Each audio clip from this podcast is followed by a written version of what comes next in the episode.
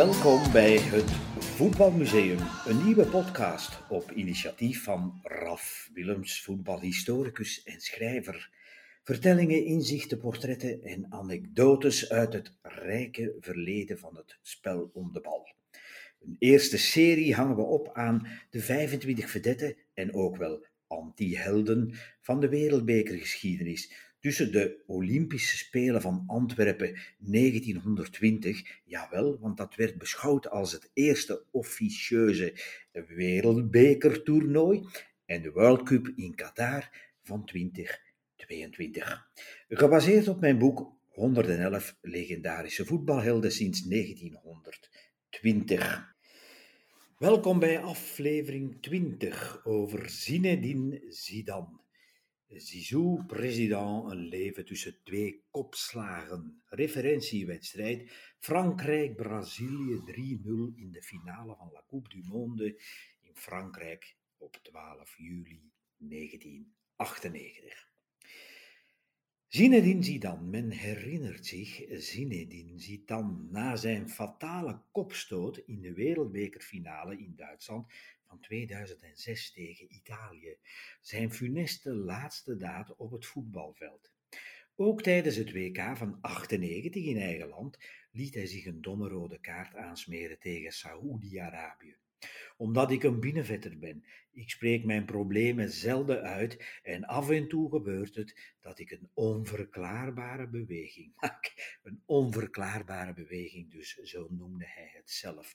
Nochtans betekent Zinedine volgens de overlevering in de Berberse traditie schoonheid. Zidane bleek de zin voor esthetiek dus af te wisselen met bizarre oncontroleerbaarheid. Tegenover de prachtige rondo, compleet om de as draaien, met de bal toch klevend aan de voet, stond de woedende uithaal. Waarop de schokkende en niet begrijpende aftocht volgde. De jonge Zizou baande zich met dribbels een weg door zijn met veertien nationaliteiten bevolkte buurt in Marseille, waar gezelligheid, werkloosheid en vechtpartijen een onverbrekelijk verbond vormden. Hij leerde leven in de ruwe wijk, die hij nooit de rug zou toekeren en later van financiële steun zou voorzien. Hij stak met zijn uitzonderlijke techniek boven de andere straatvoetballertjes uit. Zijn eerste coach lokte hem naar het jeugdploegje van Septin-les-Vallons. Hij schaafde de zwakheden van Zizou bij, koppen, startsnelheid en uithoudingsvermogen en typte hem voor het opleidingsinstituut van Aix-en-Provence. Louis Fernandez, Fernandez liever, van het befaamde Franse middenveld Chires Platini Fernandez, dat in 1994 Europees kampioen werd, ontdekte hem en haalde hem naar AS Kam. Hij ontwikkelde zich als een tweede vaderfiguur voor de gevoelige puber die zijn familie en zijn vrienden miste en moeizaam zijn weg vond in de mondaine badplaats. Een maand voor zijn zeventiende verjaardag debuteerde hij al in de hoogste divisie. Dankzij zijn bevliegingen dwong Cannes in 1991 voor het eerst Europees voetbal af. Eén seizoen later zwaaide Girondin de Bordeaux met de beste papieren. Hij vertoefde vier jaar in de wijnstad. Prijzen won hij er niet, wel stuurde hij de club en zichzelf naar hun eerste Europese finale om de UEFA Cup, de Europese uh, derde beker van die tijd. Bayern München troefde voor de top nog te groene Zidane twee keer af in heen- en terugwedstrijd was dat toen. Zizou, zo gedoopt door Bordeaux-coach Courby, verwierf wel een vaste plaats in l'équipe de France, de nationale ploeg. Met technisch volmaakt Catenaccio drong Frankrijk door tot de halve finale van het EK 96 in Engeland. De bloedeloze 0-0 tegen zowel Nederland, kwartfinale, als Tsjechië, halve finale, winst en verlies na strafschoppen legden de mankementen van Les Bleus bloot. De ritmeversnelling ontbrak en hij miste op dat moment de voor de absolute top noodzakelijke tempowisseling. Die leerde hij pas toen hij in de zomer van 96 voor Juventus koos, op dat ogenblik het sterkste clubteam van Europa. Hij bloeide in Italië open en toonde zich de baas over het Calcio van 96 tot 98. In opeenvolgende finales van de Champions League 97 en 98 kon Zidane het gewicht liever van de druk niet torsen. Hij overwon wel de spanning op de wereldbeker van 98, waar zijn bliksemende kopballen Brazilië uittelde en op het EK van 2000, waar de Fransen met wetenschappelijke precisie toesloegen en hun moment van de waarheid zelf leken te bepalen. Zidane voetbalde met een zelden geziene graad van volwassenheid. De tempowissel werd zijn handelsmerk. De, logische toptransfer naar Real Madrid voltooide zijn loopbaan. Met de witte Galactico's, Raúl, Roberto Carlos, Figo, Beckham, Beckham liever en later ook de Braziliaan Ronaldo, zou hij de hemel bestoken. Real stak de loftrompet over zichzelf af. Een vijfjarige heerschappij over Europa. Maar hoogmoed kwam voor de val. Het succes stokte na één Spaanse titel in 2001 en één Champions League zege in 2002 tegen Bayer Leverkusen.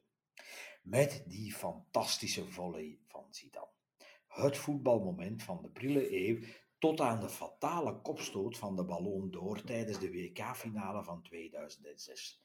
Daar zag de wereld de twee gedaanten van Zidane in één wedstrijd. Eerst trapte hij onverstoorbaar Panenkiaans een penalty binnen en nadien verloor hij zijn zelfbeheersing en deelde hij die ellendige Marco Materazzi een slag met het hoofd uit uh, tijdens de extra times. Italië won na strafschoppen, zie dan droop af. Nochtans keek hij uit naar zijn laatste grootste toernooi. De vedette van Real Madrid vervoegde in 2005 opnieuw zijn blauwe Frankrijk, zo gezegd nadat een stem als vanuit een droom mij opriep. Zo noemde hij het althans zelf. Ondanks zijn liefde voor het nationale elftal van Frankrijk is Algerije toch alom aanwezig in zijn gedachten, verklaarde hij in die tijd. Zowel in Frankrijk, in Le Quartier Nord van Le Castellane in Marseille, waar hij zijn jeugd doorbracht, als in de geboortestreek van zijn ouders in het moederland. Zidane kreeg de krop in de keel nadat hij Les Bleus in 1998 naar het wereldgoud had gekopt. Hij dacht aan het verhaal van zijn vader Smile, die in de asgrauwe buurten achter het Stade de France in Parijs op zijn zeventiende hachelijke momenten beleefde. C'est l'hiver, in 53 was dat. Les nuits sont froides, schreef hij. Na zijn overtocht vocht hij maanden tegen de eenzaamheid in een klammig kamertje zonder verwarming of ramen. Als jongen met een donkere huid ervoer hij het dagelijks racisme in Frankrijk aan de lijve in zijn vaderland woedde de koloniale oorlog tussen Frankrijk en Algerije.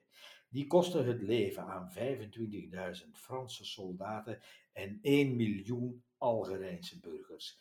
Na de onafhankelijkheid in 62 kreeg dit een droevige betekenis in Algerije, het land der 1 miljoen martelaren.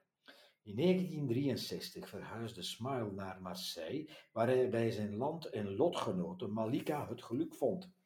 De familiale intimiteit van het gezin Zidane bood een beschermend panzer tegen de harde wetten van de straat. Smile was een zoon van de kustbergstrook, uh, kustbergstrook Petit Kabylie, het hart van het Berberland. In de krant L'Humanité toonde hij zijn gevoeligste kant. Ik citeer hem hier. In de winter duurde het twee uur voor we via de bergwegeltjes op school kwamen. In de zomer zwoegde ik van vijf uur in de ochtend tot 22 uur, s'avonds op het aardappelveld. Ik ervaar mijn stap naar Frankrijk als een vrijwillige ballingschap.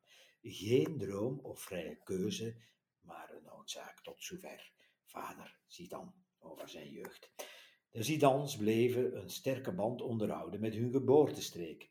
La Petite Kabylie geniet bekendheid om zijn strijd tegen zowel het dictatoriale regime als tegen het geweld van de moslimfundamentalisten. De campagne voor democratie en burgerrechten, Citoyen et Démocratique, eiste ook respect voor de Berberse identiteit en een aan het Arabisch gelijkwaardig statuut van de taal. Tijdens protestmarsen en sit-ins rond de eeuwwisseling droegen duizenden demonstranten foto's van Zidane en borden met de slogan Zidane nous fait rêver, Zidane deed ons dromen. Het hielp niet.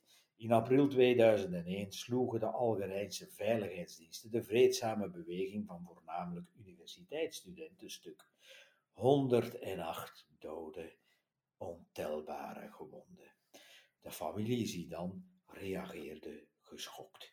Zizou is een man van waarde, travail, serieus, respect.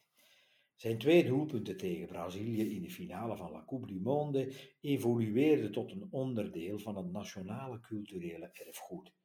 Een zoon van een Algerijn die Frankrijk tot wereldkampioen kroonde. Men ervoer het als een politiek statement, in tegenstelling tot de verbale zwarte swing van zijn collega's Desailly Turam en Henri, toonde Zidane zich een man zonder woorden. Le Roi Modeste is de sprekende titel van een van zijn biografieën.